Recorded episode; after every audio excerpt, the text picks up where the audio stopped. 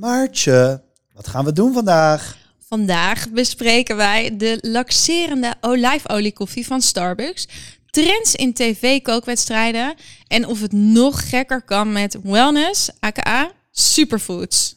En we proeven ready to drink ijskoffie. Lekker.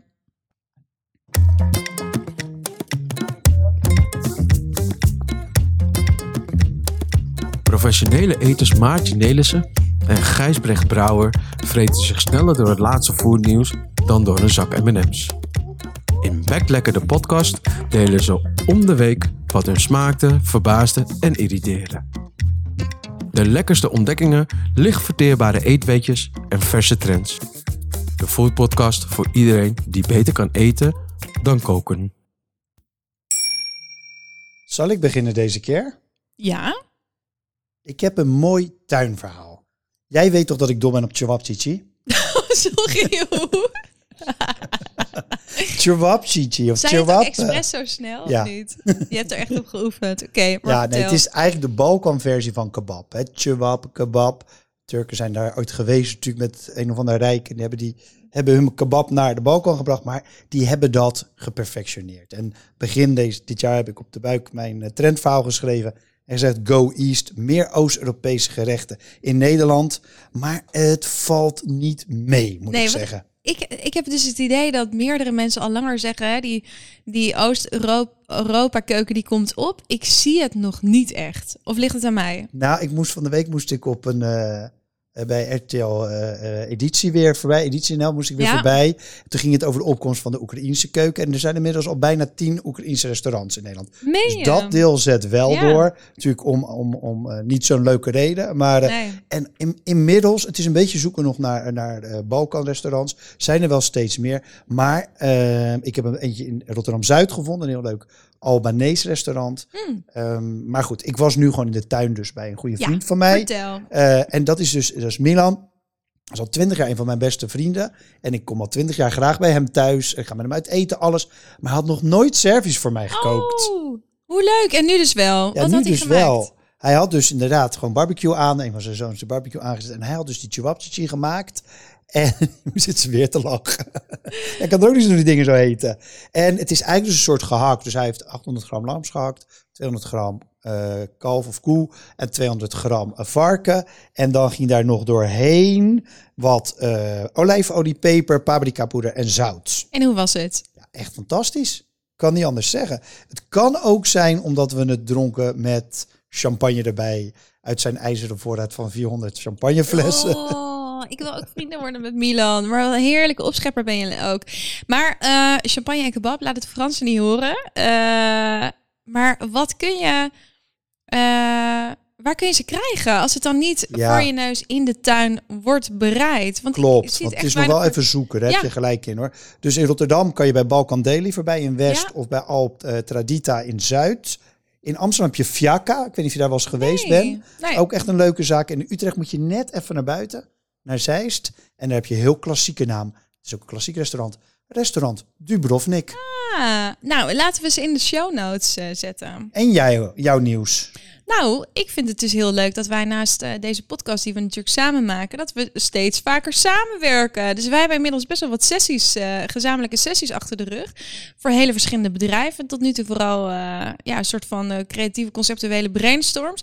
En ook, ik vind ook de diversiteit van bedrijven waar we dat voor doen echt heel leuk. Dus van hele grote retailers, we noemen geen namen, tot startende ambitieuze horeca-ondernemers. En die helpen we dan samen op weg met bijvoorbeeld een foodvisie en een concept. Ja, ik vind het echt heel leuk. Nou, gelukkig mag ik één naam wel noemen, want ik heb jou vorig jaar natuurlijk ook gevraagd of je wat voor Nespresso wilde vertellen over duurzaamheid. Dus vond ik super leuk. En weet je, voor je het weet willen ze alleen nog maar werken met de Dynamic Duo. Super leuk dat jullie allemaal weer luisteren. Dankjewel. Als je nou denkt, ik wil wel een keer een voice memo insturen, een vraag of een reactie. Doe dat alsjeblieft, want dat vinden we echt super leuk. zal ik jouw nummer even geven? Ja, 0800 back lekker. Of zullen we gewoon doen dat iedereen een berichtje stuurt naar eh, Instagram of LinkedIn als je zoekt op Bekt Lekker de podcast? Ik heb een leuk internationaal verhaal even over een van onze luisteraars. Oeh, komt hij weer uit Zweden? Nee, deze keer uit België. Oh, Ja, dus dat is wel leuk. Ehm, ik was in Antwerpen met mijn broer op een of ander evenement van de Food Service Alliance. Best wel tof. Gewoon zo'n grote Belgische club van allemaal eh, foodbedrijven. En ehm, nou ja, mijn broer had dat allemaal geregeld voor mij. Dus ik kwam daar eigenlijk een beetje bleuk, kwam ik daar aan. Ehm lag er keurig een naamkaartje klaar. Alewijn Brouwer, Gijsweg Brouwer. Ehm naam keurig gespeld. En de dame die dus ons binnen ziet kopen, die komt op ons af. Dus ik Ja. denk, nou, die loopt naar mijn broer toe. Om even te zeggen, wat leuk dat u er bent, meneer Brouwer. Want Ja. dit, hè, die had het allemaal geregeld. Ja. Maar ze loopt dus rechtstreeks op mij af. Mhm. En ze, ze begint een soort van stralend aan te kijken. Dus was eh, eh, geboren in Rotterdam, Sanne heette ze. Maar echt Vlaams accent zat er al in. Dus ik denk, waarom komt ze nou naar mij toe? En gaat ze niet naar mijn Ja. broer die het allemaal gefixt heeft? Zegt ze, nou, ik vind jullie podcast zo leuk. Ik luister al jullie afleveringen. Dus ja, nee, ik dacht eens, oh, zo zit het in elkaar. Oh, onze eerste Belgische superfan. Dat klinkt wel echt heel leuk. Eh, gaan we een beetje lekker qua luisteraars eigenlijk in België? Nou, België gaat eigenlijk best hard ineens. Dus het is Zweden voorbij. Het is nu het tweede land waarin we het meest geluisterd worden na Nederland. En gewoon best wel veel luisteren al daar. Leuk. Ja. Nou, laten we dan maar snel door naar foodnieuws. Food News. Ja, we hebben een Food News follow-up. Want ehm, wij hadden jou in het echte RTL Nieuws, editie NL, een paar, jaar, een paar maanden terug rondom Starbucks Oleato. ja, klopt. Sorry, ik moet meteen lachen, want eh, er was naast die uitzending was er een online artikel geschreven en daar werd ik in gequote. Maartje Nelissen van Best Lekker, de podcast. oh, ook best lekker. Ook best lekker. Eh, maar het was zeker een leuk item. Het ging namelijk over grote internationale foodmerken die voor lokale smaakadaptaties gingen. Dus de aanleiding was inderdaad die Starbucks, eh, die de Italiaanse markt hoopte te veroveren met de Oleato koffie. Nou, inmiddels is dat een paar maanden geleden. En ehm, is helemaal niet zo dat ze alleen nog maar in Italië zitten. Wordt overal uitgerold, dwars door Amerika. Ehm, ze gaan in Engeland. Alleen Nederland hebben we nog niet. Maar het gaat wel hard. Maar ah, ehm, als luisteraar zullen we denken, Oleato, Oleato, eh Wat is, is het? Ja. Maar jij bent onze Ik Oleato-expert. doe, ik doe een beetje alsof. Volgens mij uh, ze zijn trouwens niet in Italië begonnen met de introducties. Dus uh, eerst in andere landen en Italië volgt nog. Maar oprichter van Starbucks, Howard Schultz, was meer dan 40 jaar geleden in Italië. En toen ontdekte hij natuurlijk de charme van de Italiaanse koffiecultuur. En dan nam hij mee terug naar de VS en hij opende Starbucks in Seattle. Ik ben trouwens in die eerste store geweest. Ik ben Kleintje. niet zo ja, ik ben niet zo mee. Ik ben niet per se een Starbucks fan, maar ik vond het wel heel leuk om die eerste winkel te zien, moet je even Ja. eerlijk zeggen. En die, die eh, Howard Schultz, die was natuurlijk Ja. al lang met pensioen, maar er was een rumoerige periode in het Starbucks Imperium. Dus hij staat weer aan het roer. Klopt. En hij ging opnieuw naar Italië en daar ontdekte hij dat Italianen op Sicilië elke dag een theelepel olijfolie namen voor hun gezondheid. Oeh, dat is een beetje dat Blue Zone verhaal. Ja. Hè, waarom mensen langer leven in de Mediterrane. Ten, maar ik moest gelijk denken aan dat eh, wij vroeger eh levertraan moesten eten in Nederland. Natuurlijk elke dag een, een lepeltje voor onze gezondheid. Oeh, Gadver. Volgens mij is dat zelfs nog ver voor jou. ja, dat heb ik niet meer meegemaakt. Heb jij niet meer meegemaakt. Nee. Maar goed, 1 en 1 is 2. En eh, dat dacht Schulz dus ook. En hij bedacht de Oleato. En dat kwam dus kort geleden, zoals je al zei, op de markt in de vorm van drie drankjes.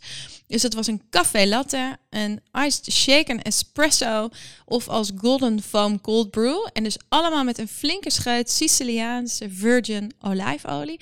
En oleato betekent trouwens geolied of ingevet. Ehm, mij viel op, Starbucks maakte een paar maanden geleden nog geen gezondheidsclaim. En ik heb het idee dat ze daar toch wel langzaam naartoe gaan. Maar die is natuurlijk wel ingewikkeld. Ja, dus ze roepen het niet als van, oh, dit is functional food of dit is goed. Nee. Maar het is wel, dat hangt er wel een beetje omheen. Het gekke is, wij weten nog niet hoe het smaakt, want we kunnen het hier nog niet krijgen. Maar dus wel op steeds meer plekken gaan mensen dit drinken. Dus het is een beetje uit de pilotfase aan het Ja, kruipen. Dus wat klopt. krijg je dan? Duizenden, honderdduizenden mensen gaan dit drankje drinken. En wat denk je? Nou, wat denk je? Eerst nog even dit. Eh, want de Amerikanen kunnen als geen ander nieuws brengen. Met ook een enorme vorm van drama erin. Dus er kwam een stuk voorbij bij eh, CNN. En de CEO die noemde de introductie van Oleato. I know this will transform the total coffee industry. Kortom, Starbucks verwacht, en zo zegt dus deze CEO, ook eh, dat deze introductie zal een heel groot nieuw omzetaandeel Nou, zijn. eerst zien dan geloven, want er is voorlopig ander nieuws. Absoluut. Ben jij bekend met het fenomeen dat mensen, heel veel mensen, eerst een kopje koffie moeten drinken 's ochtends en dan pas naar de wc kunnen? Ja, zeker. Ik moet ook een beetje denken aan in Rotterdam heb je man met bril koffie. Zo'n lokale koffie. Oh, koffiebrander. En als je bij hem naar de wc gaat, gewoon in, de, in, zijn, in zijn koffielokaal, dan hangt daar op de muur zo'n poster of zo'n geverfd. En dan kijk je in de spiegel en dan staat er zo om, je, om jezelf heen staat er coffee makes me poop. Oh, wat heerlijk bedacht. Nou, hier is dus ook natuurlijk wat aan de hand. Dus wat kopt CNN? Sowieso fascinerend dat CNN hier überhaupt over kopt. Die zeggen, Starbucks klanten klagen dat de nieuwe olive oil infused drink is making them run to the bathroom. En ik was benieuwd, jij bent natuurlijk een halve TikTok-expert geworden. Of in ieder geval, ik krijg gemiddeld drie filmpjes per dag van jou, van TikTok. Wat zegt TikTok Wel allemaal hierover? kijken. Eh, ja, nee, die TikTok, ik ben er weer even ingedoken. En het is een beetje wisselend. Er zijn best wel mensen die zeggen, het is wel lekker, het is smooth, het voelt gezond. Eh, dat is eigenlijk de dingen die het meest voorbij hoor komen. Ook wel een beetje, oh, dit moet gemaakt zijn voor het Europese palet. Oh, Of het smaakt een beetje als matcha. Vond ik ook heel eh, interessant. ja. En dus nog niks over die laxerende werking, of toch wel? Nou, toch wel een beetje. Staat er ineens making me shit my pants. En dan hebben ze het ook nog over dat olie eigenlijk ook laxerend werkt. En de melk waarmee ze het doen ook nog laxerend gemerkt. Drie keer laxatiewaarde. Drie keer Koffie, laxatiewaarde. melk en olijfolie. Oh. Dus inderdaad, running. To, maar op Reddit zag ik het veel meer voorbij komen. En daar hebben ze het echt over op dit moment de shit show. Maar ook over het feit dat mensen dit dan 's ochtends op de nuchtere maag drinken. Oeh. Ja, dan misschien is het ook wel een beetje vragen om problemen. Ja, Maar Starbucks in ieder geval weer onderwerp van gesprek. Nou, en flink ook. Nou, wat ik ook al zei bij Editie NL eh, in die uitzending. Ik vind het nog steeds een grote marketing stunt. Eh, ook al zegt de CEO dus heel overtuigend wat een belangrijk marktaandeel het moet gaan worden. Ehm, ja, volgens mij heeft het er vooral mee te maken dat die Starbucks, sorry, de Starbucks aandeel en acceptatie van het merk in Italië dus relatief gezien heel laag is. Dus dat ze nog heel veel marktaandeel kunnen winnen in Europa. En volgens mij willen ze gewoon inspelen op dat gevoel van cultural coffee heritage. En Starbucks wat meer een gevoel van authenticiteit geven, wat er natuurlijk heel beperkt in zit. Ja, nou zeker in Europa, waar we natuurlijk gewoon Ja. best wel levende koffiecultuur hebben. Zeker. Versus eh, wat er in Amerika was voordat Starbucks er was. Maar ehm, als ik kijk hoe snel ze dit uitrollen, denk ik ook wel een beetje, het is wel gewoon business ook volgens Mm. mij. En ik denk dat ze ook denken van, wacht even, we hebben heel veel zoete drankjes eruit gegooid. Ja, Hè, en dat is eigenlijk helemaal niet zo goed voor de mensen. En dit is eigenlijk, behalve dat het best wel vet is, het zijn wel gezonde vetten. gegooid, maar je bedoelt erin gegooid. Ja, sorry, hè, dus uit op de markt gezet. Precies, Iedereen eet ja, al die soort van mega en, eh, milkshakes met Ik geloof koffiesmaak. dat ze gemiddeld 600, 700 calorieën per Precies, frappuccino hebben. ja, echt. En dit is natuurlijk, dit is niet per se minder calorieën, maar het zijn wel betere calorieën. Hm. Dus je gaat toch een beetje de kant uit van functional coffee, denk ik. Ben benieuwd.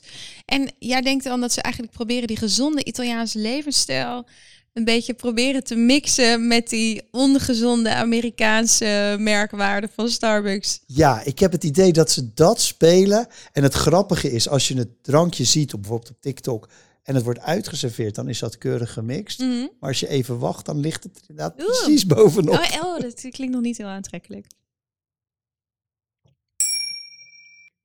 Maartje, we hebben weer een geweldig artikel gevonden dat echt precies bij ons in het straatje past. Ja, klopt. Jij kwam eh, met dit artikel uit eh, online food magazine Taste. En het ging over Have we finally hit peak wellness food? En wij zaten meteen samen te smullen, laten we eerlijk zijn. Want deze checkt echt alle boxen die wij graag eh, zien. Foodtrend, Check, over het hoogtepunt, check, supertitel, check. vooral voor de elite en binnen de A10. Yep. En we doen er zelf aan mee, maar gelukkig zijn we niet zo erg als de mensen in het artikel. Oh, ik hoop van niet, nee. Oké, nou, je weet hè, dus het gaat hierover. Een paar jaar terug, zeg tien jaar terug, was alles ineens superfoods. Ja. Wel? Iedereen wilde ACI hebben, gember hebben, quinoa hebben. Nou, die trend heeft zich eigenlijk doorontwikkeld. Ja, en het lijkt erop alsof steeds meer mensen hier ook wel druk mee zijn. Het is natuurlijk, het blijft wel een beetje een niche, maar we zien steeds meer best wel exotische, bijzondere ingrediënten. Ja, en dat zie je dus omdat eigenlijk wordt dat soort van ingeleid door allerlei influencers. Dus van eh, Gwyneth Paltrow met Goop in LA tot onze eigen Rens Kroes hier in Nederland. Ja, en jij noemde, wist ik niet, dat zelfs nu nummer één best verkochte kookboek is één over brain food. Ja, dus het speelt ook gewoon in de voor de normale. Ja, iedereen doet eraan mee, zeg maar. Ja, hey, en wat eh, dit artikel heeft het dus over peak wellness, daar zitten we op. Wat bedoelt de auteur daar volgens, jou mee? Ja, het is eigenlijk piek bedoelen ze mee een soort van ultiem. Gekker dan dit kan bijna niet. We zitten echt op de top van hoe bizar is het. Hoe kan je, ze geeft ook heerlijke eh, voorbeelden erbij hoor. Dan kom je ineens bij Shisandra Beauty Bowls en chocolade chaka donuts met een hagelslag gemaakt van geactiveerde, ofwel ontkiemde, quinoa, bieten en kurkuma sap en kokosnectar. Hmm. Nou, ik denk niet dat we kunnen zeggen dat dit in Nederland nou heel mainstream is. Maar wat valt nou op? Het is wel echt op heel veel plekken zijn dit soort producten te verkrijgen. Dus als je tegenwoordig naar je plaatselijke etels gaat, dan vind je dus gewoon ook bijenpollen, collageenpoeder, dat soort dingen. Maar laten we eerlijk zijn, de beste voorbeelden komen wel gewoon uit de States. Heb jij bijvoorbeeld al gehoord van Sex Dust van Moon Juice? Ik heb er nog niet van gehoord, maar ik pak toch even het etiket erbij. Mag ik? Graag. Sex dust, adaptogens for fire, libido, hormonal balance, creative energy. Echt iets voor jou zou ik zeggen, met ingrediënten als, en ik lees gewoon even hè, maca, cacaopoeder, epidemium leaf, en dan staat daar tussen haakjes voor het geval je niet wist wat epidemium leaf was, horny goat wheat.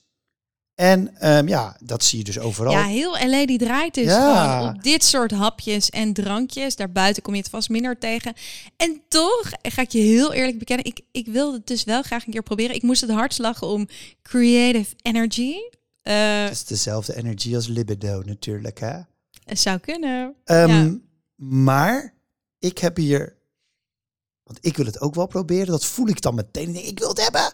Maar aan de andere kant, en ik eet ook ACI en ik heb ook gember in huis, noem maar op. Ja.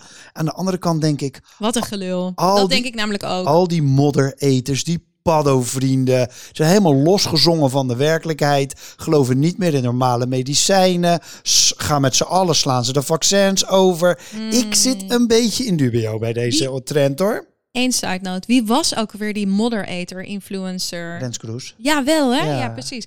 Nou, het is je vergeven, want eh, laten we eerlijk zijn, wij verwennen onszelf allemaal graag met sapjes die iets beloven, gerechten met die activated quinoa en de blissballs, et cetera. Ik had eigenlijk het gevoel dat het na corona wat meer een stille dood aan het sterven was. Halleluja, ook door de opkomst van veel meer comfortfood. Eh, maar misschien nog even voor onze luisteraars buiten de ring. Waarom doen we dit? Nou, het leuke is met dit soort ingrediënten, er wordt een soort magische werking aan, aan gehangen. Hè? heel veel Het is, het is heel mystiek, is het. Het is, het is ja, heel veel belofte inderdaad. Hè, dus je- voor ashwagandha, dan ga je ontspannen en slapen. Zeemos voor een gladde huid. Selderij voor wat extra energie. Het lijkt wel als een soort van knopjes waar je op moet drukken, alsof je een robot bent. Neem een beetje van dit, Ja. dan gebeurt een beetje van dat. Ja, nou dat ashwagandha, dat, dat ken ik sinds 2018, maar dat zie ik ineens op veel meer plekken. Ehm, een ingrediënt trouwens wat je echt alleen functioneel gebruikt, want het is niet, niet per se lekker en qua smaak voegt het voor mij heel weinig toe. Wat nog meer opvalt, dit is toch wel sappig, het ziet er meestal gewoon best wel goor uit, toch? Al, al die health food dingen Ja. zijn... Ik zou het ook of het zeggen... is gewoon too pretty to eat, weet je wel? Dat je denkt, ja, dan is het zo kan je het ook verwoorden. Dat is goed verwoord. Deze dame die dit stuk schrijft zei: The first rule of wellness food is it shouldn't look like food. En daar was ik het zo mee Ja. eens. Het is bijna een abstracte versie van Mm. eten, een soort kunstwerkjes en vaak een beetje weeige in van die pastelkleuren. Bijna een beetje het astronautenvoer uit aflevering 3. Was ook niet per se een succes. Nee. Wat ik echt haar mooiste zin vond uit dit artikel, de lading heel mooi dekt. No part of me wants to eat it. I only want to admire it. Oh. Maar zullen we even een tussenstap maken? Want Tuurlijk. we kunnen nog 600 voorbeelden geven. Die magische werking past volgens mij heel goed bij de jij bent bijzonder generatie. Oh. Dus de jonge millennials die dat altijd van hun ouders hebben gehoord. En eh, ik heb het ook van mijn ouders gehoord. Je kan alles worden wat je wil later. Als je iets maar echt heel graag wil. Ja, en daar past zo'n smoothie dan weer perfect bij. Want het is eigenlijk een soort, ja, bijna een online product waar je alles precies kan instellen. En ehm, wat je dan ziet, is je maakt hem precies zoals je hem zelf wil hebben. En dan zelf met hoofdletters zelf. Dus je zegt van, nou een beetje bij Sayur kan je precies zeggen, doe dat en dan dat er maar in. Of bij de Juice Brothers. Of als je hem thuis in de blender gooit. Het is een soort, het meest individualistische product wat je kan verzinnen om in je mond te stoppen. Een soort 20 jaar neoliberalisme in één beker. Zo. Oké, en wat is onze take-out? Ehm, nou, ik moet eerlijk zeggen, die, die auteur die eindigt eigenlijk heel mooi. Dus ik wil die graag meegeven met onze luisteraars. Ze maakte hè, de leegte die dit eten eigenlijk omvat zo mooi tastbaar. Ze zei, als iedereen straks zijn eigen eten precies op maat heeft, met precies de ingrediënten die precies bij hun lichaam of geest passen, kan je dan nog wel samen met iemand anders eten? Oh, ik word daar helemaal een beetje treurig van. Zo'n idee dat je, dat je met vier of met zes of met weet ik veel hoeveel mensen aan tafel zit en iedereen eet iets anders. eh, op basis van wat zij persoonlijk nodig hebben. En het waarschijnlijk ook nog ter plekke invoeren op hun persoonlijke functional food app. Ja, ik krijg er zo'n Edward Hopper gevoel van. Van zo'n soort aquarium in zo'n blauwe, grote, lege restaurantruimte. Waar iedereen voor de ramen zit. Zo leeg voor zich uit te staren in het grote niks. Jij bent nogal van de Food and Guilty Pleasure TV, toch? Ja. Maar weet jij wat het best bekeken programma van 2022 was dat geen sportprogramma was? Maak me los. Het is iets met BN'ers. Eh, editie, hoe heet dat nou? Eh, Expeditie Robinson. Warm. Nee, het was Wie is de Mol? Oh ja. En daarna Boer zoekt vrouw. En dan kom je vanzelf bij nummer vier. Heel Holland bakt. Oh, mijn echte guilty pleasure. Ja, ik zei dus niet voor niks wat geen sport is. Want wat je ziet is dat bijna al, al tientallen jaren, honderden jaren, is beste programma's op televisie zijn altijd sport. En ooit, ik, ik heb natuurlijk een soort van vele verschijningsvormen gehad. En een van mijn verschijningsvormen was dat ik 10, 15 jaar geleden volop in de sport aanwezig was. Had ik het boek helemaal klaar. Nou, niet geschreven, maar het voorstel wel. Sportificatie van het leven had ik dat genoemd. Ja, dus jij wou een boek schrijven daarover. Ik wou daar een boek over schrijven. En daar had ik al klaar voor. Dan. En daar staat in, had ik eigenlijk tien aspecten die helemaal niks met sport te maken hadden. Die dan als sport werden gepresenteerd. En allemaal competitieve elementen kregen. Zoals eten. Zoals eten, zoals politiek, zoals school. En zo had ik er dus in totaal tien. Maartje, heb jij wel eens gehoord van Iron Chef? Ja, ik zou zeggen, ik heb daar echt heel vaak van gehoord natuurlijk. Ik ken de term, maar ik heb het oprecht nog nooit gekeken. Het is dus een Japanse show, een televisiekookwedstrijd eigenlijk, die al sinds begin jaren 90 bestaat. En het is een soort gladiatorenwedstrijd. Het is een soort sumo-worstelaars tegenover elkaar. Er is altijd een chef en een uitdager. Er zijn scheidsrechters bij, er zijn verslaggevers bij. Het is een hele competitieve kookshow eigenlijk. Oeh, ik vind ook het idee van een uitdager heel spannend. Ja, en het leuke is toen dat begon, en eigenlijk Ja. het jaar daarna kwam Ready Steady Cook in Ja. de, van de BBC. En daarna is die hele soort van stroom van kookwedstrijden op televisie, is de afgelopen 30 jaar alleen maar meer geworden. Nou, denk aan Masterchef, denk aan ehm Top Chef in Amerika. En ook het bakken kwam daarbij, dat is pas van de laatste 10 jaar. Begon met de Great British Bake Off en later het Nederlandse zusje. Heel Holland bakt. Oh, mijn guilty pleasure. Ja, wat ik wel grappig vind, want dit is dus heel competitief wat je noemt, of hè, gladiator-achtig. Maar heel land bakt en The Great British Bake Off is natuurlijk super truttig en braaf. En daar zijn ze altijd heel vriendelijk. Dus het is niet zo hard tegen hard. Ik heb het altijd met mensen daarover dat het fascinerend is. Dan zijn ze eerder klaar en dan gaan ze elkaar helpen. Terwijl je denkt, je bent ook een wedstrijd aan het doen. Nou, precies. En ik vind het ook grappig, want daar hebben ze dus ook andere hosts bij gezocht. Dus niet zo'n boze ehm, wedstrijdleider, Ja. maar die schattige, ja, vroeger Martine Bel natuurlijk, maar want tegenwoordig André van Duin en natuurlijk Jannie van der Heijden. En daar is die weer, jouw vriend Robert. Ja. Dus je ziet wel dat dat dan ook anders ingevuld is.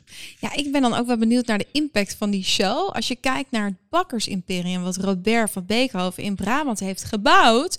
Of de masterchefs die dan echt een vliegende start maken als ze ver zijn gekomen in het programma of het hebben gewonnen en eigen restaurants openen. Dat is best wel opmerkelijk. Ja, je hebt natuurlijk die ST eh, Stroker, hè, die in Ja. Arnhem een restaurant had. En zelf ken ik eh Justin Niesse, dat is Ja. een Rotterdammer, die heeft een restaurant in Rotterdam. En drie in Amsterdam, hè, de Mondi's. Ja, Heel leuke restaurants zijn. Ja, dus ik dacht, want je hebt natuurlijk een beetje dat, dat, dat strijderige gevoel. Ja. Ik dacht, laat ik eens aan Justin vragen van hoe zit dat nou? Is het echt zo fanatiek?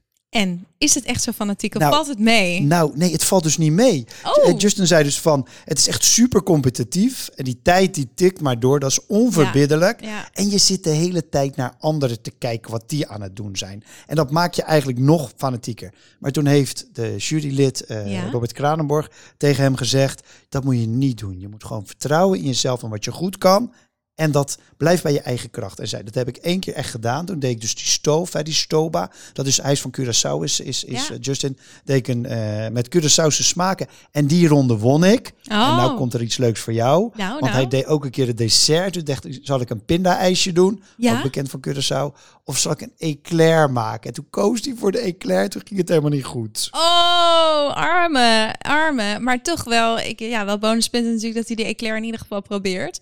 Ja, ik moet dan ook wel denken na Chef's Table. eh, natuurlijk echt door miljoenen mensen gekeken.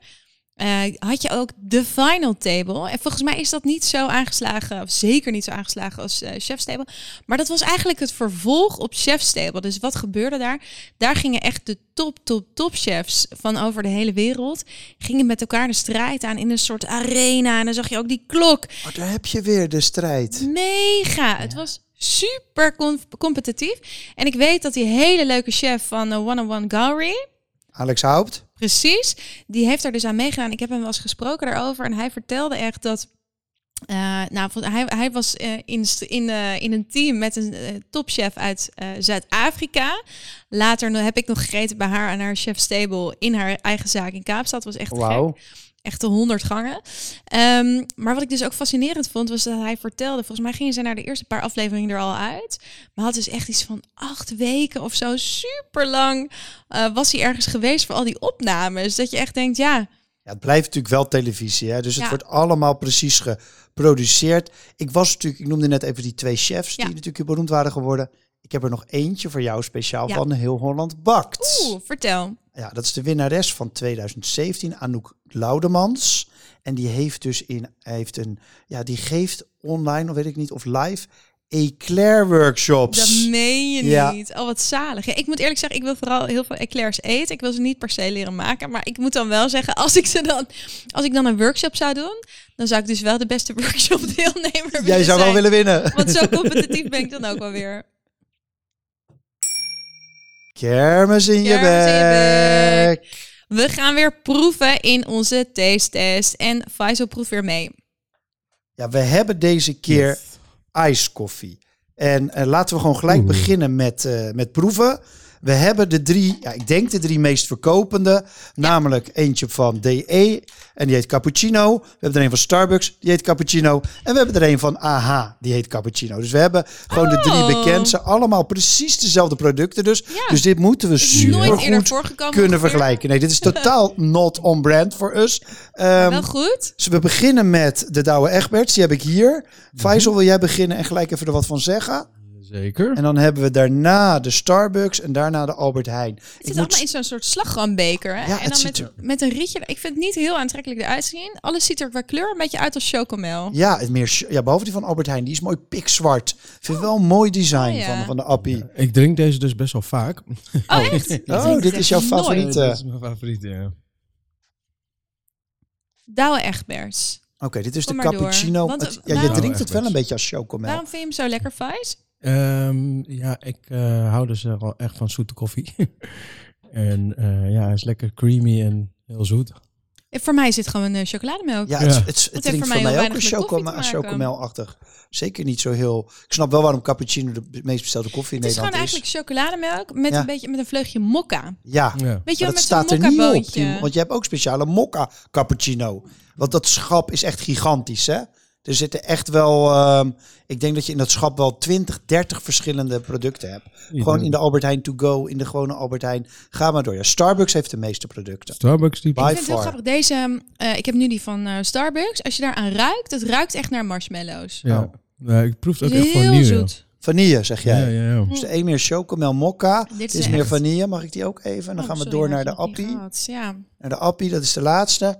De appie is verreweg het donkerste van kleur. Die is echt, en de re- maar ziet er ook weer uit als chocolademelk. Oh, maar het is wel een hele zachte smaak. Ja. Die eh, van Starbucks. Ik vind wel een hele ronde smaak, die van Starbucks. Oeh, dit, dit heeft, ik, sorry, ik nam net een slokje van die eh, Albert Heijn. Maar die afdronk die heeft zo'n heeft zo'n vleugje van die houdbare melk. En ik vind Oh, dat ja, zo... ja, ja, ja. Beetje Vietnamees. Oh, dat Maar dit is, deze kwam wel als beste uit de test van een van onze collega's van een paar jaar geleden. Van Kassa, van Kassa. Radar. Daarom hadden we hem eh, gekozen volgens mij. Oeh, ik moet Oh, ja. zeggen- Ja, dat is een beetje het kartonnige. Oké, nou ik weet al welke niet gaat winnen.